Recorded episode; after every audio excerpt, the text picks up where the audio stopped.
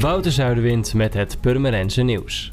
Twee jaar later dan bedoeld start eind oktober de pilot gescheiden inzameling GFT in de hoogbouw. Plaats van handeling zijn de Ooster- en Westervenne. Bewoners krijgen speciale afvalbakjes met biologisch afbreekbare zakken voor het gescheiden inzamelen van GFT en etensresten. Met de speciale pas kunnen ze het afval vervolgens kwijt in de verzamelcontainers. Verantwoordelijk wethouder van Mekeren laat in een memo aan de raadsleden weten dat de pilot nu pas kan starten omdat de benodigde materialen niet eerder voorhanden waren. De pilot duurt 8 maanden en resultaten worden na de zomer verwacht. Vanaf maandag 21 oktober is er 4 weken verkeershinder op de Wagenweg. Die wordt in die periode namelijk ingericht als 30 kilometer weg. Er komen plateaus die de snelheid van de automobilisten moeten remmen. Woningen en winkels blijven tijdens de werkzaamheden bereikbaar.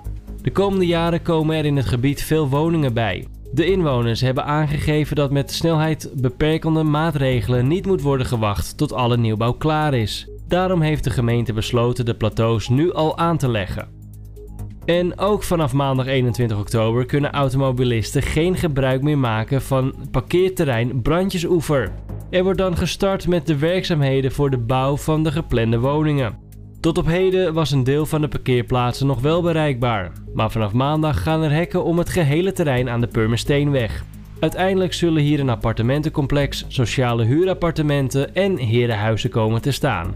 Voor meer nieuws, kijk of luister je natuurlijk naar RTV Purmerend, volg je onze socials of ga je naar rtvpurmerend.nl.